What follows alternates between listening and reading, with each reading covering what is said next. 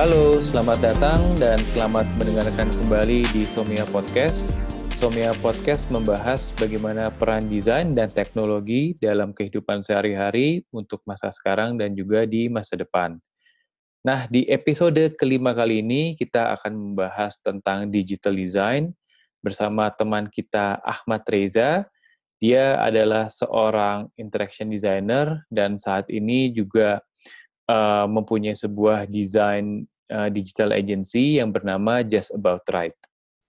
Oke, Ja, uh, ceritain dong. Jadi yang gue tahu, lu kan sekarang uh, setelah uh, bekerja dalam melanglang buana di dunia agency dan freelance gitu ya, akhirnya lu sekarang bikin sebuah company sendiri yang namanya Just About Right. Am I right? You're right. Betul. Ceritain dong, Just About Right itu apaan sih sebenarnya, Jadi uh, sebenarnya kayak apa ya, agency yang emang uh, pada dasarnya bergerak di digital design, terus habis itu kayak ya karena sama-sama hmm. ya gitu ya Don ya jadi kita juga ngelakuin research juga gitu hmm. Jadi okay, ya okay. pada dasarnya a bit of everything uh, a bit of this a bit of that hmm. kita juga mencoba untuk apa ya karena visi awalnya JAR tuh sebenarnya lebih ngelihat ke uh, bisnis lah ya gitu kayak how can hmm. we help businesses kayak even small businesses tuh untuk uh, untuk gain access ke desain tuh yang menurut gue hmm. even pun sampai sekarang kayak misalnya kita ngelihat tech startups kan ya mereka uh, akses ke desain tuh udah gede banget gitu ya. Hmm, hmm, hmm. Tapi kalau misalkan kita ngomongin yang uh, menengah gitu atau hmm. enggak kita kita kalau misalkan ngomongin mungkin thresholdnya gitu kita ngelihat hmm. startup yang lumayan kita kenal namanya tapi nggak segede itu gitu. Hmm. Emang sih mereka biasanya punya researcher in-house, punya designer in-house juga gitu. Tapi terkadang uh, pun juga pasti mereka butuh banget akses ke desain yang juga uh, lebih gede lagi gitu. So itu yang kita lihat hmm. di situ. Terus habis itu kita pengen coba empower uh, businesses dari desain gitu. Nah itu masih dalam skop digital design atau gimana tuh menurut lo? Uh, kalau misalkan terjemahan digital design itu adalah yang berbasis website, aplikasi dan lain-lain, mm-hmm. ya walaupun sebenarnya kita pun juga pengen kita nggak pengen terbendung di digital design doang gitu sih. I see. Oke okay, oke. Okay. Yeah. Hmm. Jadi menurut lo tuh sebuah company tuh um, cukup nggak sih kalau apa ya mereka hanya mengadres digital design aja gitu? Uh, gimana ya? Kalau contextually sekarang mungkin kayak tepat gitu ya Don ya. Kalau misalkan hmm. kayak misalkan kita lagi ada di pandemi gitu ya, era pandemi kayak apa pun semuanya shifting ke digital gitu kan. Hmm. Terus cuman menurut gue apakah uh, semua bisnis itu harus masuk ke digital? Digitalized, iya. Tapi kalau misalkan untuk masuk ke uh, memiliki semua artefak digital yang kita tahu sekarang kayak kayak misalkan aplikasi gitu, hmm. kayak menurut gue nggak wajib gitu. Hmm. Tapi menurut gue untuk mempermudah mereka uh, kira-kira achieving their business goals dan lain-lain. Ya menurut gue uh, digital tuh is hmm. apa ya sebuah sebuah hmm. apa ya bukan cara sih tapi kayak sebuah uh, method mungkin hmm. bisa dibilang method untuk oke okay jadi yang gue rasa oke okay, sekarang misalnya hmm. pandemi gitu ya Don ya hmm. terus habis itu kita kalau misalkan ngomongin digital kan berarti kita oke okay, kita coba pikir lebih gede daripada uh, tech startups yang atau tech companies yang kita tahu so far gitu aplikasi-aplikasi hmm. yang ada di handphone kita yang hmm. rata-rata ya karya anak Indonesia gitu ya hmm. itu uh, biasanya ya itu semuanya digital gitu kan yeah. Tapi what if kalau misalkan kita ngomongin jauh lebih gede daripada itu gitu what if kalau misalnya kita uh, pikirin kalau misalnya sekarang restoran jualan kayak gimana dan hmm I see. Terutama ya kan? maksud lo di masa kayak pandemi sekarang ini gitu ya? Betul. Oh, jadi uh, menurut lo dengan kondisi kayak gini digital itu justru um, makin makin lebih dibutuhin lagi gitu maksud lo? Betul, tapi hmm. uh, connection to digital kayak is hmm. needed, tapi hmm. menurut gua nggak semuanya harus punya aplikasi dong. Oke. Okay. Uh-huh. Ya kan? Misalkan lo ngelihat di sebuah mall gitu don, lo bisa hmm. hitung ada berapa belas atau berapa puluh tenan restoran di situ. Apakah hmm. semuanya harus punya aplikasi? Enggak juga kan? Hmm. Nah, hmm. Nah, tapi kayak gimana caranya mereka itu bisa stay connected with their market dengan caranya mereka sendiri yang uh, gapnya itu tuh bisa di bridge dengan uh, dengan digital.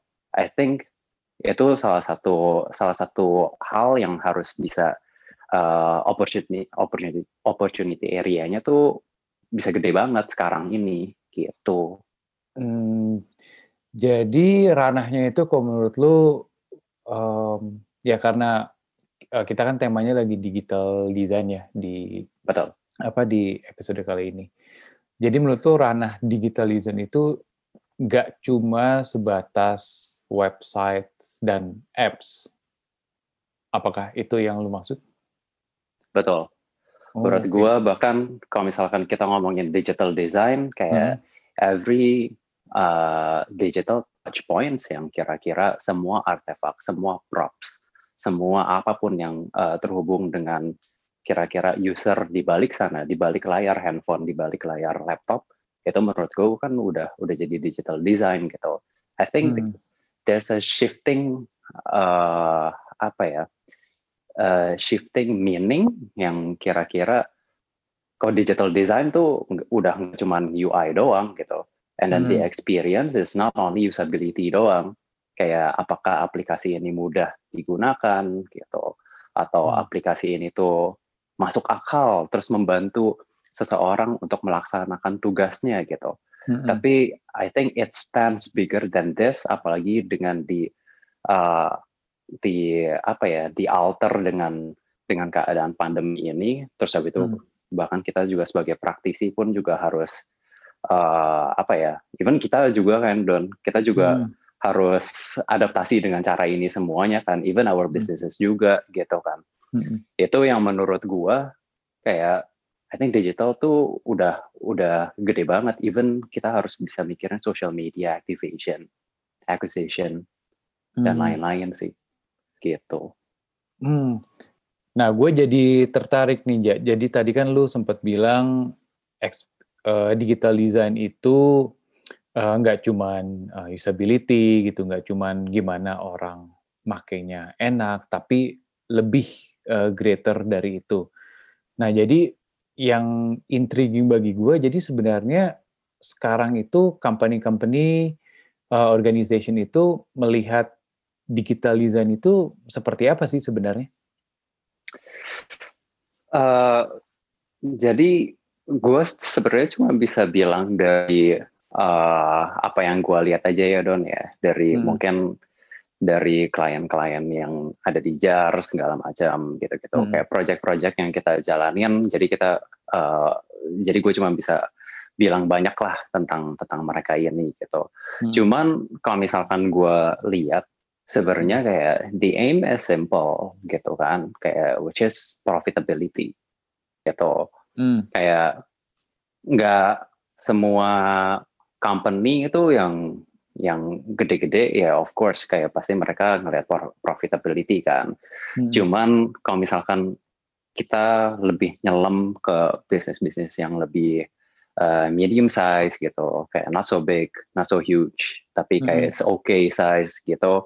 pasti mereka benar-benar itu tuh jauh lebih jelas banget which is KPI mereka itu adalah revenue gitu profitability hmm. nah terus habis itu nah apa yang kita pelajarin dari sini itu adalah kayak mereka ngelihat digital design is one of the way untuk mereka itu bisa kira-kira achieve that target gitu. Kayak hmm. it's not necessarily untuk kayak uh, apa ya giving the best usability and then giving the best experience, tapi kayak how to create a cohesive system out of the business itself gitu. Gimana caranya mereka itu tuh deliver value yang paling uh, yang paling menonjol dari mereka and then sell it through digital landscape. Kira-kira kayak begitu. Jadi digital design itu lebih like as a tool gitu? Atau as a way? Uh, benar sih. Kalau misalkan, uh, uh, let's say, I think you're creating a good point sih Don. I mean, if I'm if I'm a businessman, I'm a CEO gitu. Kalau misalkan hmm. emang bisnis gue itu tuh emang bergerak di beberapa yang that we so called channel gitu ya, kayak ada hmm. offline channel, online channel, apalah segala macam kayak gitu-gitu, hmm. kayak uh, multi touch points. Menurut gue ya online is is a tool for me to sell uh, our uh, my product or my services, istilahnya hmm. kayak gitu sih. Hmm. Itu menurut gue kayak salah satu kartu yang mereka punya kayak I do have online, kayak I do have off offline juga, kayak giving all the access kayak karena akses kan juga salah satu hal yang penting ya di dalam di dalam hmm. bisnis dan marketing juga kan. Ya, yeah, I think kayak gitu sih Don. Um, meskipun gimana ya kita bicara yang digital design, tapi in the end sebenarnya it's all connected juga ya ujung-ujungnya gitu ya sebenarnya akhirnya. Bener banget sih, bener banget sih Don. Kayak I think one of the biggest mistake of uh, kayak apa ya di sekarang ini gitu ya. Hmm. Itu adalah untuk ngelihat digital design is, is only living on the online space. Hmm. Yang menurut gue kayak emang kalau misalnya kita ngelihat digital ya pasti online gitu. Kayak tapi kenapa harus selalu kayak begitu? Kayak what if kalau misalnya kita mikirin kayak what if digital can only uh, can can also live in offline spaces as well? Hmm. Kayak nggak pernah ada yang bisa kayak kira-kira uh, apa ya kayak mengatakan itu kayak secara direct gitu karena teorinya nggak pernah ada juga terus habis itu juga kita bisa nge-solve itu through service design of course gitu hmm. tapi kayak I think one of the biggest misconception itu tuh adalah kayak to think that digital design is only for online space. Yang menurut gue kayak uh, kalau misalnya kita ngelihat marketing marketing sekarang kayak dunia marketing mix. Menurut gue kayak sekarang ada tren di mana kayak mereka tuh udah nggak mikirin yang namanya online channel apa, offline channel itu apaan. Hmm. Jadi mereka karena kalau misalkan kayak to my experience gitu kayak working hmm. on uh, on a place gitu ya di mana kayak ada ada online channel ada tim online channel ada tim offline channel ada dua hmm. dan hmm. nah terus habis itu permasalahannya adalah kayak it it created a segregation between the teams as well the channel hmm. working in silo hmm. pada akhirnya online sama offline nggak akan pernah ketemu hmm mungkin ya menurut gue itu ya uh, jadi jadi friction on for the business itself kan from internally. Ini bisa dibilang ini nggak sih kayak banyak companies yang sekarang tuh punya departemen uh, offline to online gitu kan? Ini bisa dibilang yeah. uh, sebuah legacy nggak sih? Kayak dulunya uh, mereka terpisah gitu ada offline sama ada online departemen dan sekarang dengan perkembangan semua ini kayak eh kok udah makin blur ya gitu ya. Jadi ya. mencoba untuk mensinergikan itu gitu ya dengan Betul. si online to offline ini gitu. Um, ya. Gue jadi penasaran ada ada ini nggak ya misalkan contoh uh, studi kasus atau apa pun yang lu tahu yang somewhat mencoba untuk mensinergikan si online offline ini gitu. Dan peran digital design tuh di situ kayak gimana sih? Coming from an e-commerce background gitu ya Don, hmm. I think Amazon Go itu tuh memberikan sebuah gambaran dan imajinasi uh, utopia yang yang sebagai kita kayak praktisi gitu tuh untuk selalu bisa ngelihat kalau misalnya hal tersebut tuh bisa terjadi gitu jadi kalau misalkan case tadi soal Amazon Go, menurut gue itu tuh salah satu hal yang paling konkret gitu. Kayak if not uh, apa ya, membuat semua orang tuh yang paling nyaman sedunia karena kayak hmm. benda dari supermarket gitu kan. Tapi kayak through technology, offline spaces itu tuh jadi augmented gitu. Terus itu enhancing uh, shopping experience kayak kayak like no other way gitu kan. Hmm. Nah, tapi mungkin salah satu hal yang uh, kita lakuin juga di JAR, uh, uh, if I may name uh, one of our client, yaitu adalah Fabelio, hmm. uh, which is kita tulis itu juga case tadinya ada di uh, di medium kita. Hmm. Uh, yang kita yang kita pikirkan di saat itu tuh adalah Fabelio di saat di saat ini uh, oh mungkin kalau misalnya pandemi agak sedikit shifting gitu ya. Hmm. Tapi di saat itu adalah kayak uh, offline retailnya mereka itu tuh one of the highest uh, converting uh, channel ever gitu. Uh, jadi waktu kita diminta untuk revamping their website hmm. itu tuh mereka minta kalau misalkan kayak gimana caranya kita itu bisa directing customer uh, into showroom gitu. Tapi tanpa uh, jeopardizing uh, conversion di dalam di dalam website gitu ya. Hmm. Terus habis itu kita belajar kan, kita do internal research, and then uh, uh, yeah we do research as well. Terus habis itu pada akhirnya kita cuma nemuin satu hal yang simple sih, kayak I think ini juga pembelajaran pembelajaran buat gue sebagai praktisi UX juga gitu ya kayak I think hmm. uh, to enhance a user experience kayak it doesn't have to be big kayak it just have to be apa ya closing the gap here and there gitu. Nah hmm. sekarang yang kita pikirin eh waktu itu kita uh, pikirin itu adalah kayak how do we manage to uh, to bridge the gap between online and offline Hmm. Terus habis itu kita bikin website yang sedemikian rupa, gimana caranya customer itu tuh bisa ngerasa one step one step closer to the showroom. Hmm. Gimana caranya gitu? Hmm. Oke, okay, obviously kayak kita harus kita harus uh, rethink all the way uh, dari penempatan uh, showroom di website tersebut. Terus habis itu kayak biasanya orang kalau misalkan ke showroom tuh pengen ngelihat apaan, oh for specific products gitu. Terus habis itu kita bisa sekarang di Fabelio kita bisa ngelihat kalau misalkan you're looking at a specific product, lo bisa lo bisa ngelihat itu tuh lagi ada di showroom mana gitu. Hmm. Hmm. hmm. It's like a proto apa ya? Ya yang tadi lo bilang Don kayak online to offline, offline to online is getting so blurred right now. Tapi it's uh, it's the first step uh, for Fabelio untuk untuk kira-kira ngisi kekosongan tersebut gitu loh. Gimana caranya kita kita bikin jembatannya aja dulu gitu. Hmm. And then and then we see how dari customer behave kayak gimana. Hmm. Menarik. Um, tadi lu kan lu sempat bilang kalau ada misconception ya bahwa yep. digital design itu only live in online space gitu. Uh, Padahal digital design can also live in offline spaces gitu ya. Nah, kalau dalam kasus di uh, Fabio ini di offline space-nya which is showroom-nya gitu. Itu ada elemen digital design apa di situ ya? A lot. Tons of them. Hmm.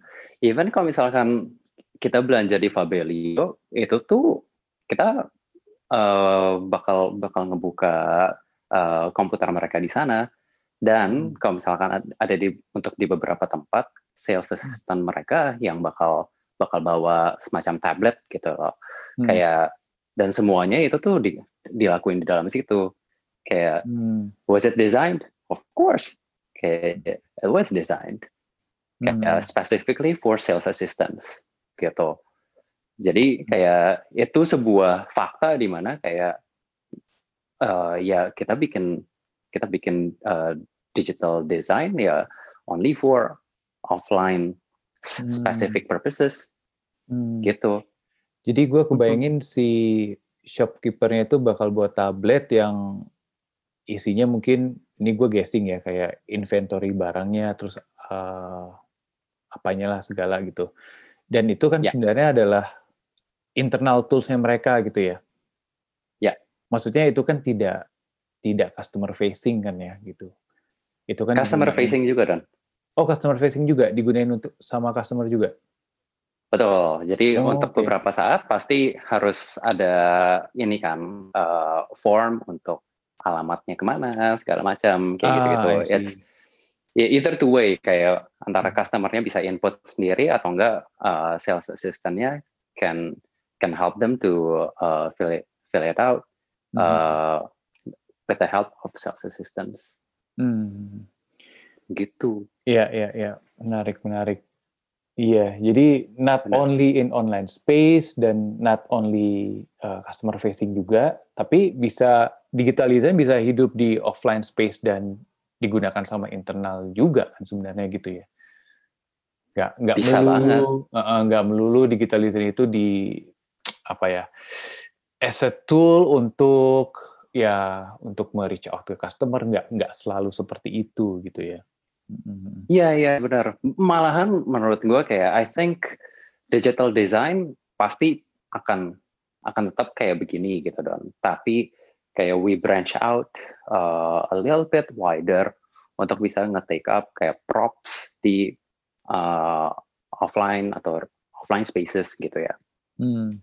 Jadi kayak the keyword that we are looking at right now itu pada dasarnya adalah kayak it's not all about on online channel or offline channel anymore. Tapi ini kayak kita gimana caranya bisa mikirin sesuatu yang omnipresent gitu.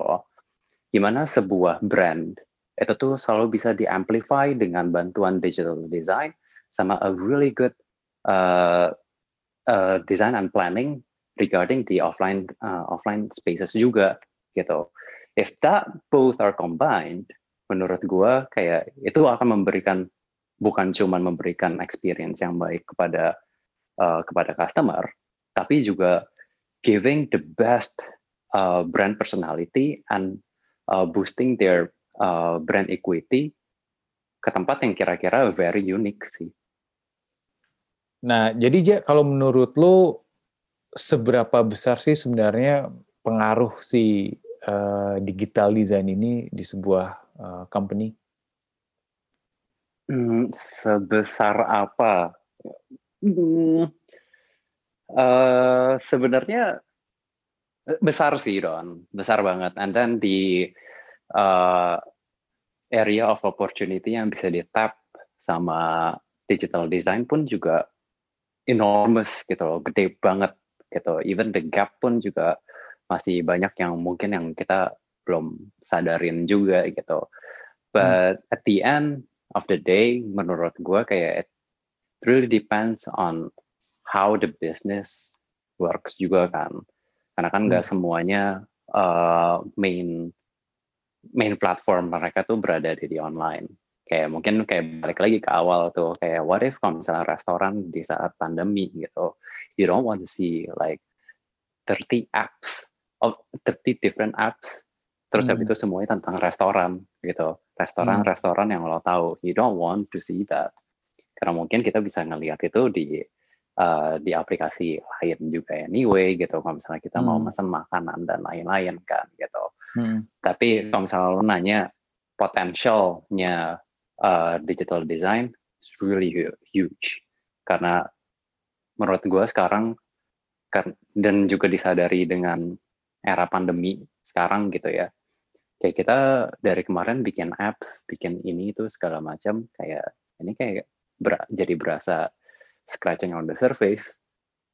Hmm. Pada dasarnya ya digital design can go beyond further yang menurut gue bisa bukan improving uh, only on the online landscape, tapi juga offline landscape. Dan gue juga nggak tahu ntar ntar ujung-ujungnya bakal berakhir di mana. Even service design pun juga belum highly integrated sama digital design juga sekarang ini. I mean hmm. kayak we haven't really successfully done that kan. Jadi hmm. menurut gue kayak there's a bunch of opportunities yang kita masih bisa lihat di digital design that's uh, won't become obsolete tapi it's getting interested, uh, interesting sih sekarang. Wih, oke okay, Ja. Ini menarik banget sih uh, obrolannya. uh, gue sampai menarik. topik yang menarik juga sih Don. gue sampai membayang-bayangkan gitu, oh gitu ya. Hmm. Oke, okay. uh, sebenarnya gue pengen ngobrol lebih uh, banyak lagi, tapi sayang sekali kayaknya waktu juga yang memisahkan kita, Cailah. Yeah, durasi, durasi. Masalah durasi. Jadi kayaknya gue uh, mesti uh, kita sudahi di sini. Uh, makasih banget ya udah dateng, udah uh, ngobrolin uh, panjang lebar nih tentang digital design. Uh, sukses buat jarnya.